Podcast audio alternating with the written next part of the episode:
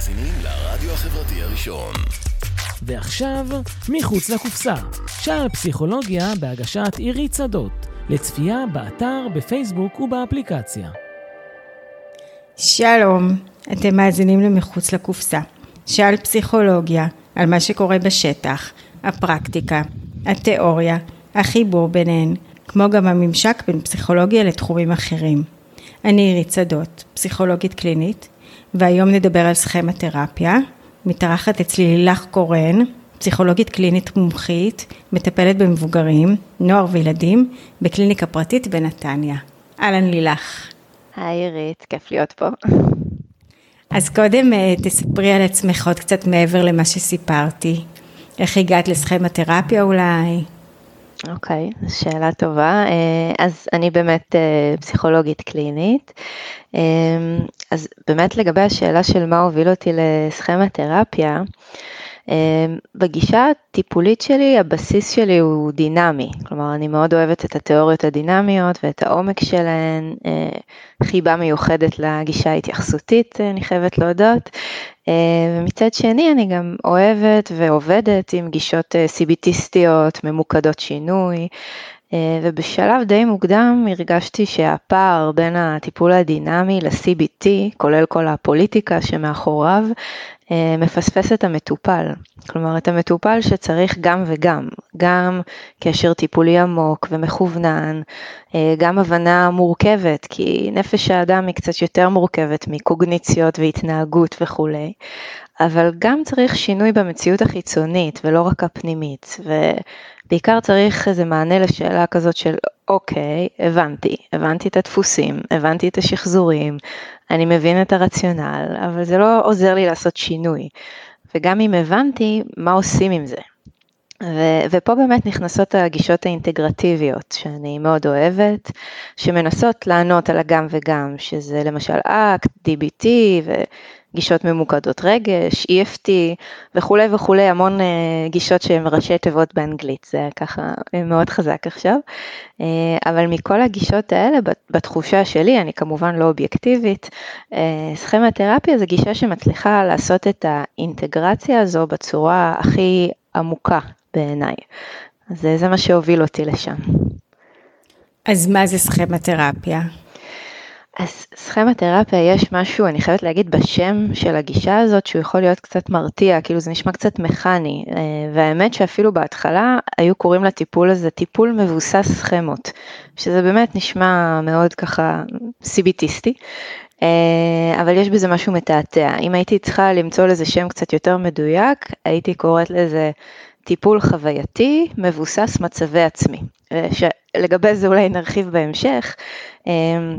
אבל אולי אני אסביר קצת על ההיסטוריה של אה, סכמתרפיה. בעצם אה, מי שפיתח, המציא את השיטה ופיתח אותה זה ג'פרי יאנג, שהוא פסיכולוג אמריקאי, שהוא עבד צמוד לבק, אבי ה-CBT המפורסם, הוא היה ממש יד ימינו, אבל לאורך העבודה שלו הוא הרגיש שמשהו חסר ב-CBT, והוא זיהה שיש אוכלוסיות שלא מצליחות להיעזר ב-CBT.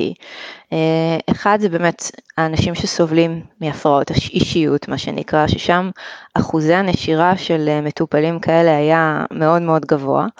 אה, ואגב, גם DBT פותחה מאותו מקום. וגם עבור אנשים שיש להם בעיות יותר כרוניות, שנמשכות יותר זמן, שהם בעיקר בהיבטים של יחסים בין אישיים. ומשם פותחה הסכמתרפיה שהיא מתבססת, היא משלבת אה, גם את ה-CBT כמובן, אה, גם גשטלט, שזה איזושהי שיטת טיפול שהיא יותר חווייתית, וגם בסיס של התקשרות ויחסי אובייקט, כאילו אה, תפיסה דינמית.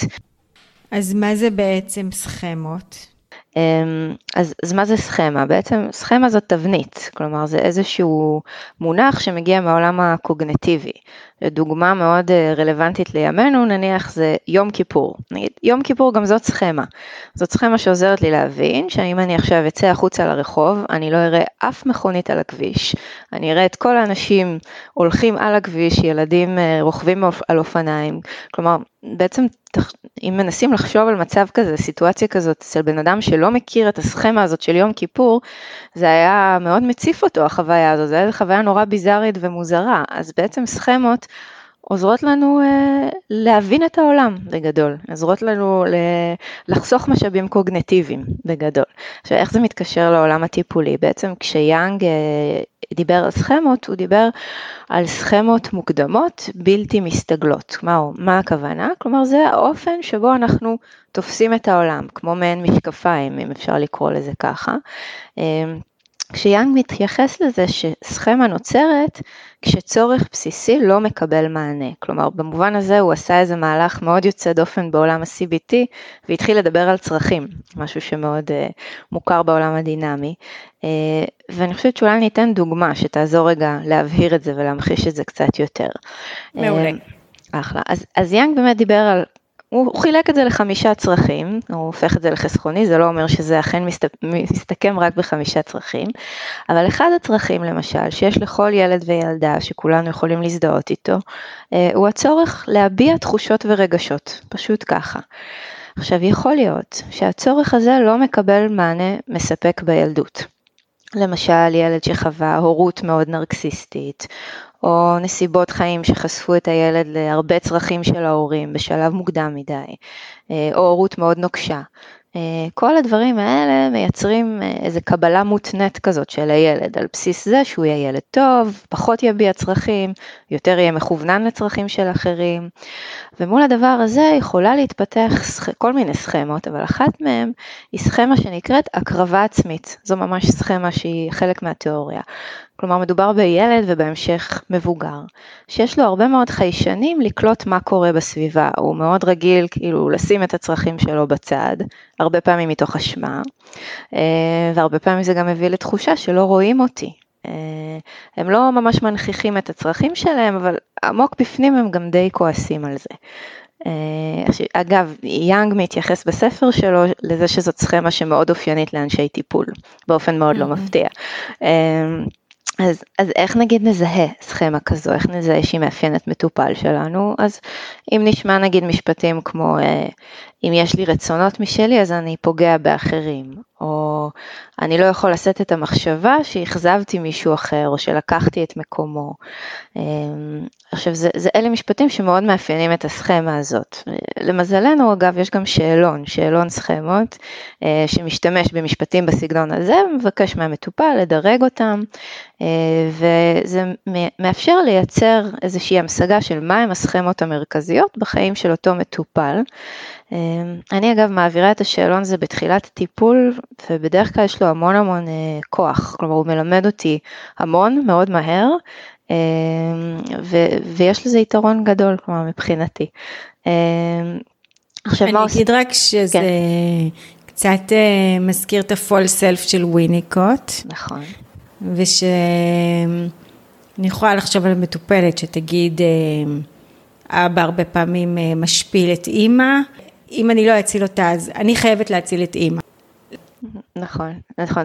אז בעצם הזכרת שיאנג דיבר על חמישה צרכים, דיברת על הצורך הראשון, הצורך אה, להביע רגשות, אז מה הם בעצם ארבעת הצרכים האחרים שיאנג דיבר עליהם? אוקיי, okay, אמ, אז אני אגיד שבאמת יאנג הגדיר חמישה צרכים, אה, זה לא אומר שזו תורה מסיני וזה לא אומר שאלה כל הצרכים אה, האנושיים כולם, אה, אבל אני בכל זאת אתאר אותם. הצורך הראשון שהוא תיאר זה הצורך בביטחון וקבלה, או שאפשר להגיד את זה במילים שאנחנו מכירים, הצורך בהתקשרות בטוחה. ושם אנחנו באמת נראה סכמות די הרסניות שמתפתחות כמו שאנחנו מכירים אצל מטופלים עם uh, התקשרות לא בטוחה. Uh, הצורך השני שהוא תיאר זה הצורך באוטונומיה. Uh, אוטונ... הצורך באוטונומיה בעצם מאפשר קומפטנטיות, תחושה של זהות, תחושת מסוגלות, וכשזה לא מתקבל הרבה פעמים אנחנו נראה סכמות של כישלון, סכמות של חוסר יכולת. וזה בהחלט שני, שני הצרכים הראשונים האלה, הוא די מגדיר אותם כצרכים מאוד מאוד בסיסיים וחשובים. אה, ואז נוספו גם שלושת הצרכים הנוספים שהם, כמו שדיברנו, באמת החופש אה, לבטא צרכים ורגשות, שדיברנו על זה קודם. הצורך בספונטניות ומשחק, שאת זה אני נורא אוהבת, כי יש בזה משהו וויניקוטיאני.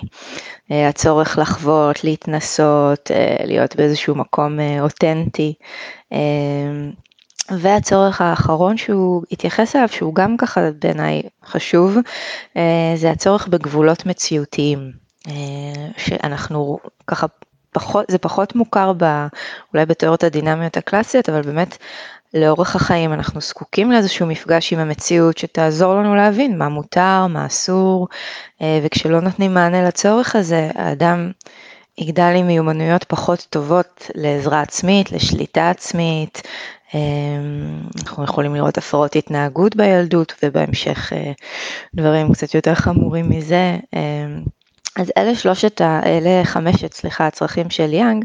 אני אגיד שיש מצב גדול שהוא פספס גם דברים אחרים, למשל קוט והצרכים שלו אה, פחות נכנסים פה, אם חושבים נגיד על הצורך באידיאליזציה של קוט.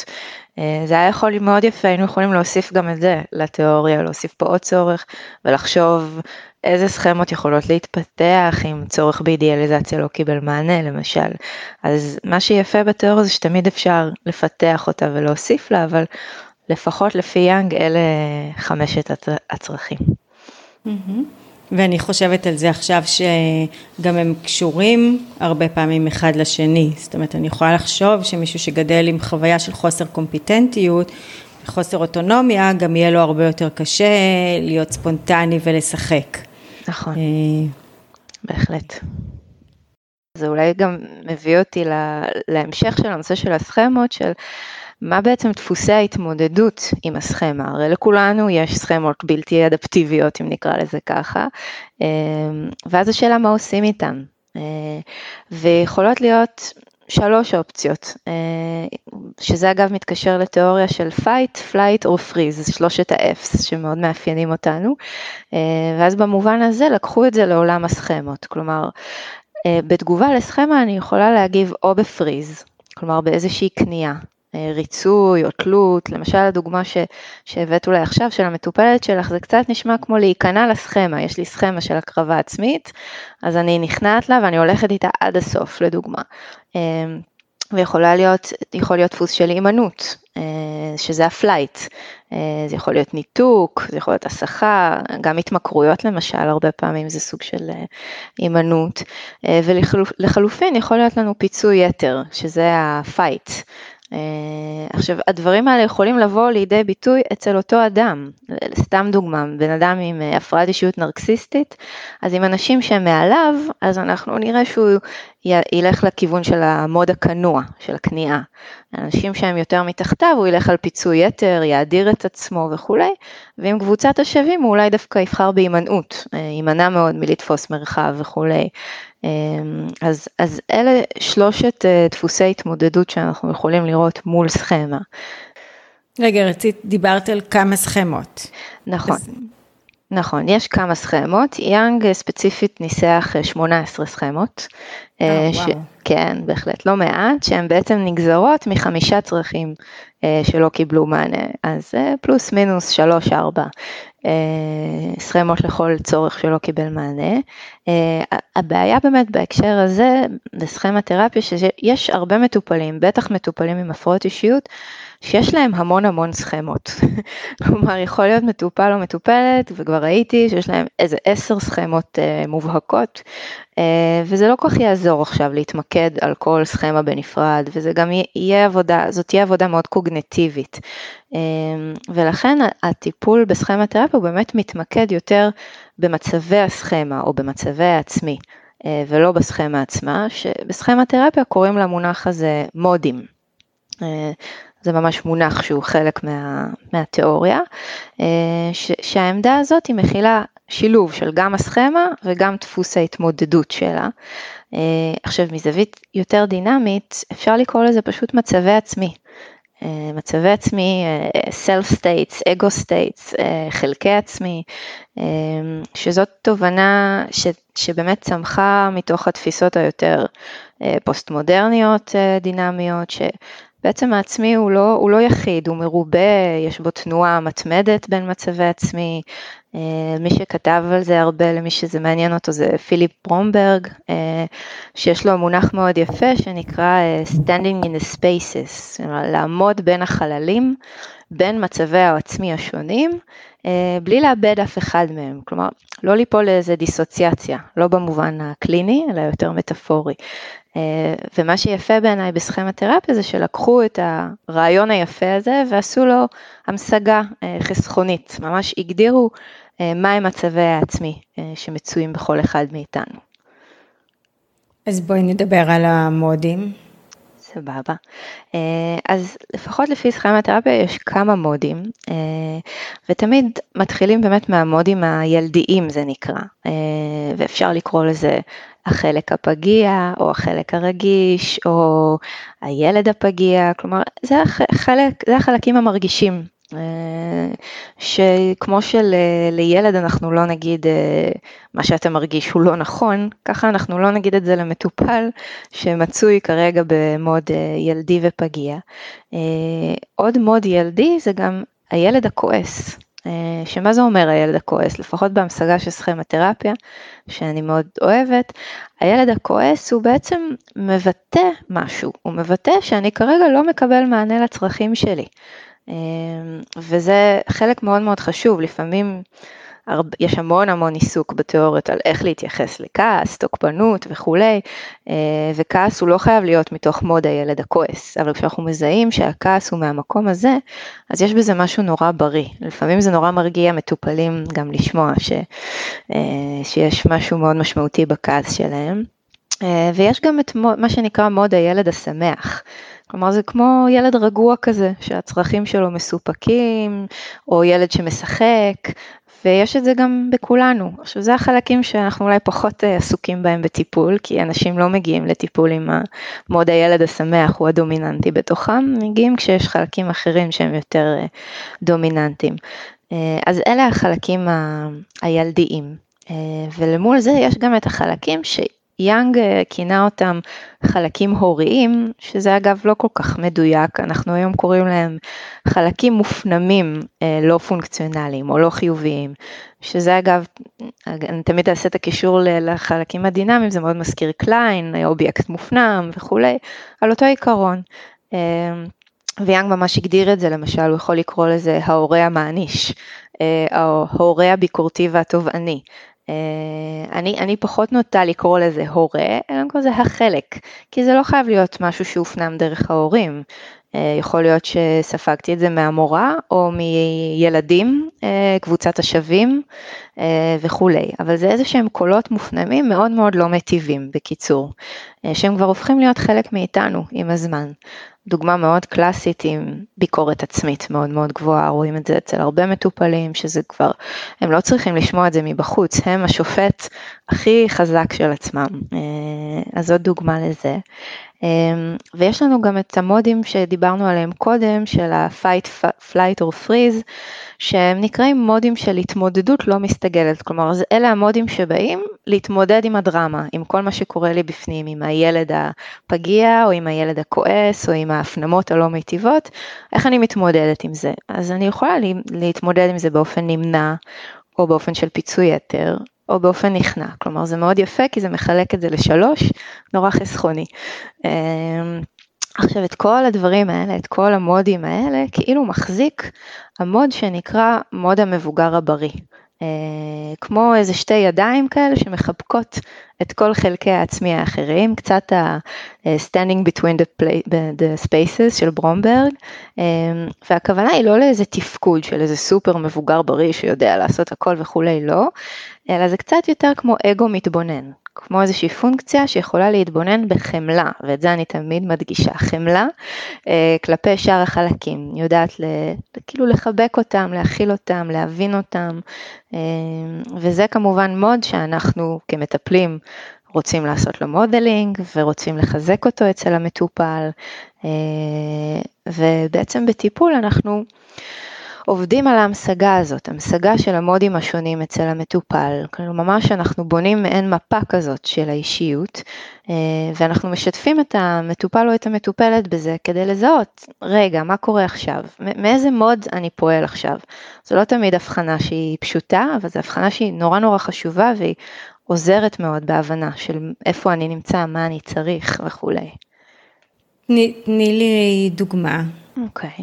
אמ, אז דוגמה שאני יכולה לתת בהקשר הזה נניח על אמ, מטופל שמאוד התלבט אם להתחיל טיפול תרופתי או לא, משהו שדובר הרבה זמן בטיפול וכולי, אה, ובת הזוג שלו הייתה מאוד בעד והיא מאוד לחצה לכיוון הזה של טיפול תרופתי. והוא מגיע לפגישה ואומר לי, טוב, אחרי שנסיים את הפגישה, אני הולך לקנות את התרופה, פשוט אשתי מאוד מאוד לוחצת, אבל אני לא יודע, אבל אני מתלבט, אבל האם זה נכון, אה, וכולי. עכשיו, במקרה הזה, להתחיל טיפול תרופתי, כנראה הוא מאוד ייטיב עם המטופל, אה, אבל הבעיה היא, מה שככה זיהינו יחד לאורך השיחה, שהרצון ללכת ולרכוש את התרופה, לפחות כרגע, היא מגיעה מתוך המוד הכנוע, המוד הכנוע והמרצה, שאנחנו מכירים אצל המטופל הזה, זה מתעורר לא מעט אה, מול בת הזוג שלו. אה, עכשיו, להחליט החלטה כל כך חשובה מהמקום הזה, מהמקום הכנוע והמרצה, זה בעייתי. אה, זה, סוג, זה מסוג ההחלטות שכדאי היה לנסות לקבל מתוך המקום של המבוגר הבריא, מה שנקרא. אה, אז זה לא אומר אם ההחלטה הזאת היא נכונה או לא נכונה, אבל השאלה היא מאיפה, מאיפה אני פועל, מאיזה מקום. אז זאת אולי ככה דוגמה שיכולה להמחיש את זה. אה, וגם אנחנו, כשאנחנו כמטפלים ערים למצבי העצמי שבהם המטופל מצוי, אז אנחנו גם בעצמנו נדע יותר טוב איך להגיב ואיך להתמקם. ניקח למשל איזשהו מטופל או מטופלת וננסה רגע, אה, אני לא למדתי סכמתרפיה, mm-hmm. למדתי DBT, אני גם ככה מגדירה את עצמי שאני קודם כל דינמית אבל אינטגרטיבית ואני mm-hmm. כן למדתי PE ו-DBT, אה, אבל סכמתרפיה לא למדתי. אוקיי. Okay. אז אני מנסה רגע לקשר רגע בין המונחים של הצרכים, mm-hmm. בין הסכמות לבין המודים. Mm-hmm. ופה נראה לי אני קצת התבלבלתי. כן. בחיבור ביניהם. אה, נגיד מגיע מטופל או מגיעה מטופלת, ואת עוברת איתה על השאלון. כן. קחי אותי משם הלאה. מה עושים משם? אה, אז קודם כל אני, אני אגיד לגבי השאלון שאני חושבת שזה לא מתאים עם כל המטופלים לעבור יחד על שאלון כי זה לפעמים זה קצת too much information. זה קצת, וויניקוט אגב מתייחס לזה באחד המאמרים שלו, הוא אומר נתתי את הפרשנות הנכונה אבל זה היה שבע שנים מוקדם מדי או 13 שנים מוקדם מדי.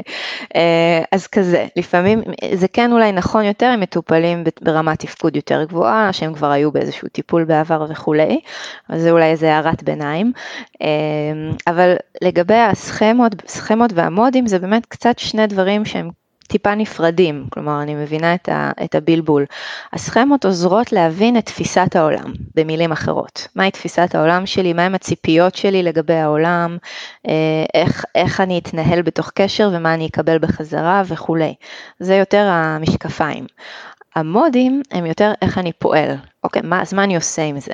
אז יש לי משקפיים אפורות, אוקיי, אני יכול מצד אחד אה, לרוץ אל האש, ואני יכול מצד שני כל היום להיות בתוך הבקתה ולא לצאת, אה, זה, זה כלומר זה שני דברים שהם קצת אה, שונים, שונים אבל גם קשורים זה לזה. איך בעצם אנחנו נגיב? כשאנחנו מזהים איזשהו מוד שהוא נקרא לו לא פונקציונלי או שמרע עם טובת המטופל. נכון. או איך, איך אנחנו בעצם נקדם את הטיפול. אז, אז קודם כל באמת לכל אחד מהמודים, ובמקרה הזה את מתייחסת למוד של נקרא לזה התמודדות בלתי מסתגלת, תהיה, תהיה תגובה קצת אחרת. עצם ההפרדה הזאת, קודם כל, עצם ההפרדה בין העובדה שזה מוד של התמודדות היא כל כך משמעותית, כלומר אני חושבת שאנחנו כמטפלים לפעמים יכולים להיות נורא נורא מתוסכלים ממטופל, אה, הוא לא זז, הוא מתעקש לא לעשות או, וכולי וכולי, הוא חוזר שוב ושוב או הוא נורא נורא נמנע, נורא מנותק. אה, ובקלות זה יכול לגרום לנו לכשל אמפתי. ואם אנחנו מבינים שזה חלק במטופל שהגיע לשם ונוצר שם לאורך השנים כדי להגן עליו במידה מסוימת, כדי לעזור לו לשרוד, כדי לעזור לו להסתגל, כבר עצם ההבנה הזאת היא מאוד מאוד דרמטית, כבר בינינו לבין עצמנו, קודם כל. אחרי זה אנחנו גם יכולים לתקשר את זה למטופל, כלומר, אנחנו יכולים ממש להגיד למטופל, הנה מופיע השריון הזה ש... ששומר עליך עכשיו, אבל מצד שני הוא קצת מרחיק בינינו. אה, אנחנו צריכים להגיב לזה, יאנג מתאר מונח שנקרא קונפרונטציה אמפתית. כלומר, אנחנו, ואני הייתי קוראת לזה, קודם כל אמפתיה. אמפתיה, אה, אמפתיה רבה לחלק הזה. אה, אנחנו צריכים להבין למה הוא שם, ומאיפה הוא נוצר, ועל מה הוא בא להגן, ואיזה יופי שהוא קיים שם. אה, יש מטופלים שהחלק, ה... נקרא לזה נגיד החלק המנותק שלהם לדוגמה, עזר להם לשרוד דברים נורא נורא קשים לאורך החיים שלהם. ואיזה יופי שהוא שם, אנחנו לא רוצים להעלים אותו, אוי ואבוי, אבל אנחנו יכולים לסמן אותו, כלומר אנחנו יכולים לסמן אותו אה, ולהגיד שיש לו גם אולי כמה חסרונות. אה, הקונפרונטציה אומרת בוא ננסה אולי משהו אחר, לאט לאט ובעדינות. אני, אני יכולה אולי לתת קצת דוגמה לזה, שאולי תמחיש את זה קצת יותר. אה, למשל, המוד הזה הנמנע או המגן מנותק, הרבה פעמים קוראים לזה בסכמתרפיה, אה, אז מגיע מטופל שלי שיש מאחוריו כמה טראומות ילדות, אה, ו- ואני רואה שהוא במוד הזה, כלומר הוא מדווח על דברים מאוד ביובש, הוא לא כל כך עונה לשאלות שלי, הוא עונה בקצרה, הוא נראה מרוחק, ואני יכולה לעשות המון המון מאמצים. אני יכולה לשאול עוד ולשאול, ו- ולנסות להיות הכי אמפתית וחמודה ונחמדה שיש, אבל זה לא יעזור, כי הוא כרגע במוד הזה, המגן מנותק. אה, ואז אני יכולה להגיד שלמשל במקרה הזה שאני חושבת שאני רואה מול העיניים שלי את אה, נקרא נגיד יותם, אז אני רואה מול עיניי את יותם המנותק, שאנחנו כבר מכירים אותו קצת, אה, והוא פה יושב מולי על הכיסא, אבל אני מרגישה כאילו ממש מאחוריו יושב יותם הילד הפגיע. ואני מבינה שיותם המנותק כאן כדי להגן עליו, אני יכולה מאוד להבין את זה, אבל כדי שנוכל לעבוד ביחד אני אשמח שתסמוך עליי ושתיתן לי רגע להתקרב אה, ליותם הפגיע. אז זאת איזושהי דוגמה לקונפרונטציה אמפתית נקרא לזה ככה. Mm-hmm.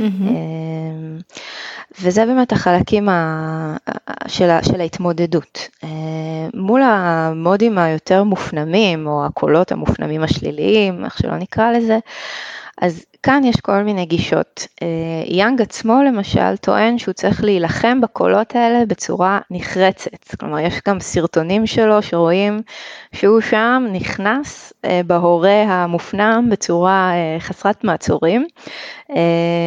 היום יש גישות שקצת רואות את זה אחרת, אני ביניהם, שזה קצת לגשת לקולות האלה כמו שניגשים להדרכת הורים.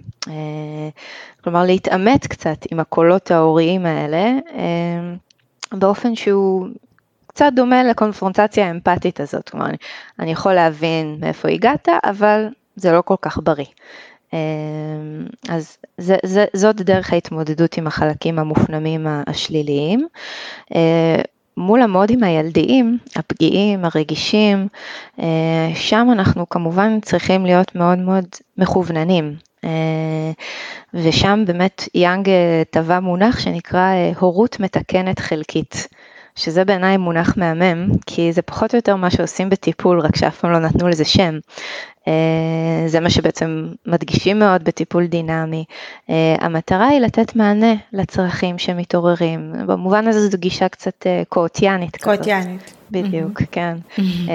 השאלה היא באמת מה כהורה הייתי עושה במצב כזה. אה, ואם נגיד זה ילד כועס אגב, גם ילד כועס יכול להתעורר, אז אנחנו יכולים לקחת אחריות, אה, להתנצל, כשל אמפתי, אגב קואוטיאני, זה ממש קואוטיאני במונח, במובן הזה, אה, ואנחנו רוצים גישה לחלק הזה, כלומר זה החלק שאנחנו רוצים לדבר איתו, לעבוד איתו, יש הרבה פעמים מטופלים עם לא מעט הגנות, שייקח זמן עד שהחלק הזה יעלה ויופיע, וכשהוא מופיע אנחנו צריכים להיות מאוד רגישים, מכווננים ולעודד את, ההגעה שלו. והחלק האחרון זה החלק של המבוגר הבריא, אה, שאגב זה מאוד חשוב בעיניי לזהות אותו אצל מטופלים, גם אצל מטופלים שהמבוגר הבריא הוא מאוד מאוד דל ודקיק ושביר, אבל הוא בכל זאת שם. הרבה פעמים אגב אני רואה את זה אצל מטופלים שהם בעצמם הורים, וגם אם הם בעצמם כילדים חוו הורות על ההיסטור, אבל הם כהורים פתאום מצליחים להוציא מעצמם דברים מדהימים, אז זה, זה אזורים שאני מאוד מדגישה כהמבוגר הבריא, כלומר תראה איזה הורה מדהים אתה מצליח להיות לילד שלך, איזה יופי, כלומר לחזק את זה. אה, אנחנו צריכים להיות בעצמנו איזשהו modeling אה, לחלק כזה, כלומר איזושהי דמות שהיא מתבוננת ולא שיפוטית וחומלת, ועם הזמן המטרה היא שהחלק הזה ילך ויתחזק בתוך המטופל. אז אני יכולה לחשוב על שתי דוגמאות אה, ככה של אה, סכמות, ובואו נראה איך אה, ניישם את זה. למשל, מישהו שהוא עם תפיסת עולם מאוד קורבנית, כי באמת הוא גדל ממקום של אין, וכיום זה לא משרת אותו, mm-hmm. התפיסה הזאת הקורבנית. Mm-hmm. אז זה משהו שבטיפול דינמי מאוד המשגנו ודיברנו על זה, שזה כבר משהו שהיום הוא כבר זה תוקע אותו, mm-hmm. זה, זה לא משרת אותו. Mm-hmm. אז בואי ננסה להדגים את זה. בסכמה. דרך סכמה. כן. כן. אה, אז, אז אני חושבת שבאופן מאוד דומה עובדים עם זה בסכמה. אגב, הנושא הקורבני, אה, זה נושא בפני עצמו, אנחנו מדברים עליו לא מעט בהדרכות סכמה שאני נמצאת בהם עכשיו, שאנחנו אומרים שיאנג לא בדיוק הצליח להגדיר את, ה, את המוד הקורבני באופן מדויק, כי הוא קצת ערבוב של כל מיני דברים. אבל אני כן חושבת שהוא מוד של הסתגלות, אה, של אה, הסתגלות לא טובה לצורך העניין, אה, ואפשר ממש לה, להשתמש בזה בדיוק באופן שבו את עושה, כלומר להגיד שזה, שזה חלק בתוכו, שהנה שוב פעם עולה, אפשר ממש להגדיר את זה כ... נקרא, נגיד נקרא לו יורם, אז יורם הקורבני, או יורם המתלונן, או יורם המסכן, אני לא יודעת, כאילו, למצוא איזושהי המשגה שהיא כמובן תהיה עם הרבה כבוד לזה, ולא ממקום מזלזל וכולי, אה, אבל להגיד, או, oh, אני, נראה לי שעוד פעם עולה אה, יורם הקורבני, אה, והוא לא כל כך, לא כל כך אפקטיבי עבורך, הוא לא כל כך עוזר לך, הרבה פעמים המוד הקורבני, הוא, הוא קצת משאיר אותך תקוע, כי הוא לא מאפשר לכעוס כעס אסרטיבי ולהשיג את מה שאתה צריך להשיג. אה, זה, זה לא איזשהו מוד של התמודדות בריאה, אז, אז אפשר ממש אה, להשתמש בזה גם במונחים של מודים ולעבוד עם זה גם בסכמה. היום הוא כבר יודע לזהות את זה, וגם, וכבר לעשות טרנספורמציה, אבל בעבר זה גם גרר ללעג מצד הסביבה. ועדיין מדי פעם יש את הנפילות למקומות האלה, אבל הוא כבר יודע לזהות את זה. זה יופי. עכשיו אני אתן ככה עוד דוגמה, זה באמת אה, מטופל שעד עכשיו אני המשגתי אותו אה, עם פול סלף, אבל באמת המטופל המרצה, אה, שהוא מאוד גם מנסה להקסים, להקסים את הסביבה ושיאהבו אותו, ובסופו של דבר, בהרבה מקומות בסופו של דבר בחוץ, הוא ספג דחייה. Mm. זאת אומרת, זה לא עבד לו באיזשהו מקום, המוד הזה. זה כבר, זה כבר לא עבד לו.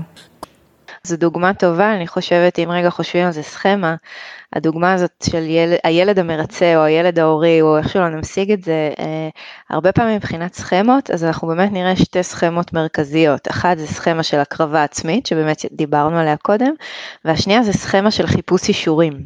אה, שזה בעצם איזושהי סכמה שמדברת על המכווננות הזאת כלפי חוץ, על הצורך המתמשך הזה, בדינמית נקרא לזה פגיעות נרקסיסטית. אה, ואז שתי הסכמות האלה באמת צובעות את ההתנהלות בעולם, ואם אנחנו מסתכלים על איזה מודים נוצרים מול הדבר הזה, אז אנחנו באמת נראה מוד כנוע ומרצה, ככה הרבה פעמים אני קוראת למוד הזה, שבאמת המטרה שלו היא מטרה מאוד חיובית, היא ליצור קשרים, היא לקבל אישור, היא לקבל מענה לצרכים שלו, כמו שאמרת.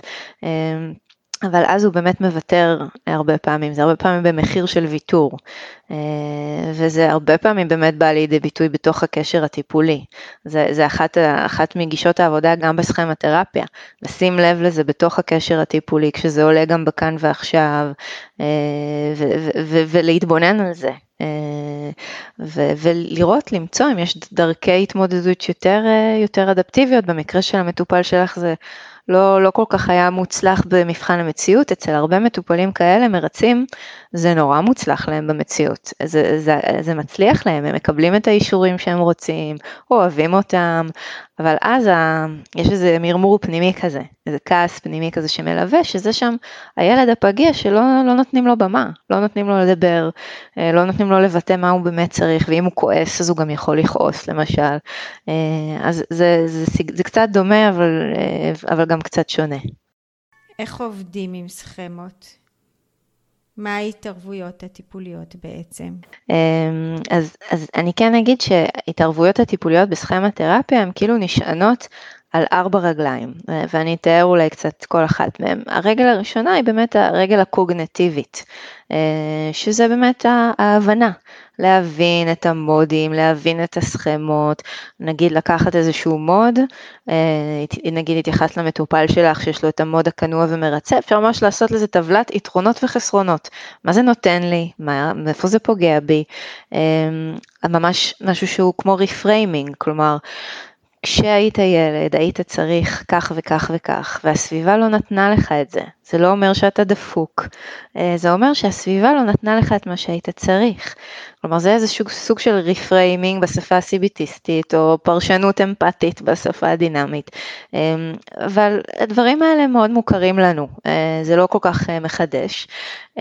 עוד רגל שיושבת עליה סכמתרפיה זה הקשר הטיפולי. Uh, הקשר הטיפולי כמקדם שינוי, כמו שאמרנו קודם, uh, הורות מתקנת חלקית, שזה באמת הפורטה של טיפול דינמי, שבאמת מבין כמה הדבר הזה מורכב ומסובך. Uh, אני חוששת ש, שמטפלים שמגיעים לסכמה בלי מספיק הבנה באזורים האלה, זה, זה קצת בעייתי, כי זה באמת לא כזה קל לתת הורות מתקנת חלקית לאנשים שההורות המקורית שלהם היא מאוד מאוד פגועה. אה, אז גם שם נדרשת הרבה עבודה. אה, והרגל השלישית שהיא באמת מאוד ייחודית לסכמתרפיה ושווה אולי שנדבר עליה קצת יותר זה הפן החווייתי.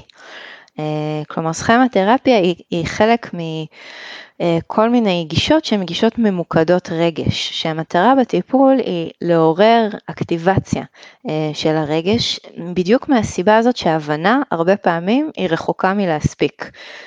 אם בעבודה קוגנטיבית אנחנו עובדים על להבין ולהבין לעומק.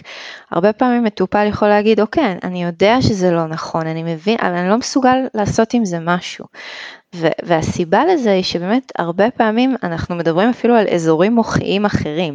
הרבה פעמים כשאנחנו עושים טיפול בדיבור אה, הקלאסי שאנחנו מכירים, אנחנו עובדים על, ה, על האזור הפרונטלי של המוח, כלומר על האזורים שהם יותר רציונליים, יותר דורשים מטה קוגניציה, חשיבה על וכולי. אבל הרבה פעמים הדפוסים העמוקים או הסכמות הם יושבים לנו באזורים אחרים במוח, הם יושבים יותר באמיגדלה, כלומר באזורים שהם הרבה יותר רגשיים וחווייתיים. ולכן הטיפול בסכמה, בסכמה תרפיה הוא באמת מתבסס על התערבויות חווייתיות. מה זה אומר? אה, שתי האופציות הכי נפוצות להתערבויות חווייתיות, זה, אחד מהם זה למשל עבודת כיסאות. מה זה אומר עבודת כיסאות? זה, זה, זה משהו שלקוח מהגשטלט או מהדרמה תרפיה. אה, אז בעצם אנחנו ממש יכולים לקחת את חלקי העצמי או את המודים ולהפריד אותם ולהושיב אותם על כיסאות אחרים. אה, אני, אני יכולה נגיד לתת דוגמה טובה לזה מטיפול לאחרונה, שיש לי מטופל עם ביקורת עצמית באמת כל כך חזקה, בין החזקות שראיתי, כל טיפול אני שומעת את הביקורת העצמית על כל דבר שהוא עושה, כמעט כל דבר. ואנחנו מבינים היטב שזה קשור לאימא, והאימא איתה הוא גדל, הוא מאוד מודע, הוא עבר טיפולים בעבר. זה לא כל כך עוזר לו לנטרל את ההרסנות של הביקורת העצמית. ואז הצעתי לו, בוא נעשה רגע הפרדה. הוא סיפר על איזה אירוע, אמרתי בוא ניקח את האירוע הזה ונעשה הפרדה, אני רוצה ש... תושיב את החלק הביקורתי שבך, שאנחנו מכירים אותו, על הכיסא הזה ותדבר אל, נקרא לו יוסי, תדבר אל יוסי מתוך החלק הביקורתי. ואז הוא התחיל לדבר, בדיוק את אותם דברים שהוא אמר קודם. אתה טעית, אתה עשית טעות, למה לא חשבת, למה לא חשבת קודם, היית צריך לקחת בחשבון ככה וככה, איזה טיפש אתה. ותוך כדי שהוא מדבר, זה, זה, היה, זה לא תמיד ככה, וזה היה ככה במקרה הזה, תוך כדי שהוא מדבר הוא, הוא עצר, הוא אמר לי, אני לא יכול לעשות את זה יותר. אז אמרתי לו, למה לא? אני לא יכול, אני לא, אני לא מסכים עם מה שאני אומר, אני, זה, זה קשה. ואז אמרתי לו, או, oh, אבל תשים לב שאתה עושה את זה לעצמך כבר כל כך הרבה שנים, הנה, פתאום עצרת. עצם האפשרות לחוות את זה, לחוות את זה ולשים לב מי מדבר ומי שומע, לחוות את זה בחדר, אפשרה שם איזושהי טרנספורמציה מאוד משמעותית. אה, אז זאת איזושהי דרך חווייתית אחת לחוות את הדבר הזה. ועוד עבודה שהיא מאוד אה, ייחודית, אני חושבת, לסכמתרפיה, יש עוד כל מיני גישות שלוקחות את זה, זה חוויה של אה, עבודה בדמיון. שמה זה אומר עבודה בדמיון? בעצם הרבה פעמים אנחנו מציעים למטופל לחזור לאיזשהו זיכרון באופן חווייתי, כאילו שהוא קורה כאן ועכשיו, ושם אנחנו עושים איזושהי עבודה. אה, גם לזה אולי אני, אני אתן איזושהי דוגמה שתעזור קצת להמחיש את זה. אה, נניח אה, מטופלת שסובלת מקושי בזוגיות שלה, יכולה לתאר איך היא מרגישה מאוד דחויה ולא אהובה, כשהבן זוג שלה סך הכל הוא מאוד משתדל, אבל הוא לא מצליח להיות איתה באינטנסיביות שהיא צריכה, והיא צריכה אינטנסיביות די גבוהה. עכשיו זו מטופלת שאני מכירה כבר תקופה, אני יודעת שהיא חוותה בעברת דחייה חברתית. ואם הייתי מוותרת על עבודה בדמיון, הייתי הולכת לאיזה פרשנות כזאת שהייתי מחברת בעצמי, הייתי אומרת, את יודעת, זה מזכיר לי את מה שסיפרת כילדה, על התחייה החברתית שחווית וכולי, אבל עצרתי ואמרתי, נעשה רגע משהו אחר, נעשה עבודה בדמיון. ואז הזמנתי אותה לעצום עיניים ולהתמקד רגע בתחושה הגופנית שמתעוררת בה כשהיא צריכה את הבן זוג שלה איתה צמוד צמוד והוא לא, לא נמצא והוא דוחה והוא מתרחק. וממש לתת מקום לתחושה הגופנית הזאת, במובן הזה סכמה גם עובדת מאוד גוף, שזה בעיניי מאוד חשוב, אה, ולהתחבר אליה, לא, לא לברוח ממנה, הנטייה היא בדרך כלל לברוח, להתחבר אליה ולהיות רק עם התחושה. ולנסות רגע ללכת אחורה ולהיזכר בחוויה מגיל יותר צעיר שבה היא הרגישה בדיוק את אותה תחושה.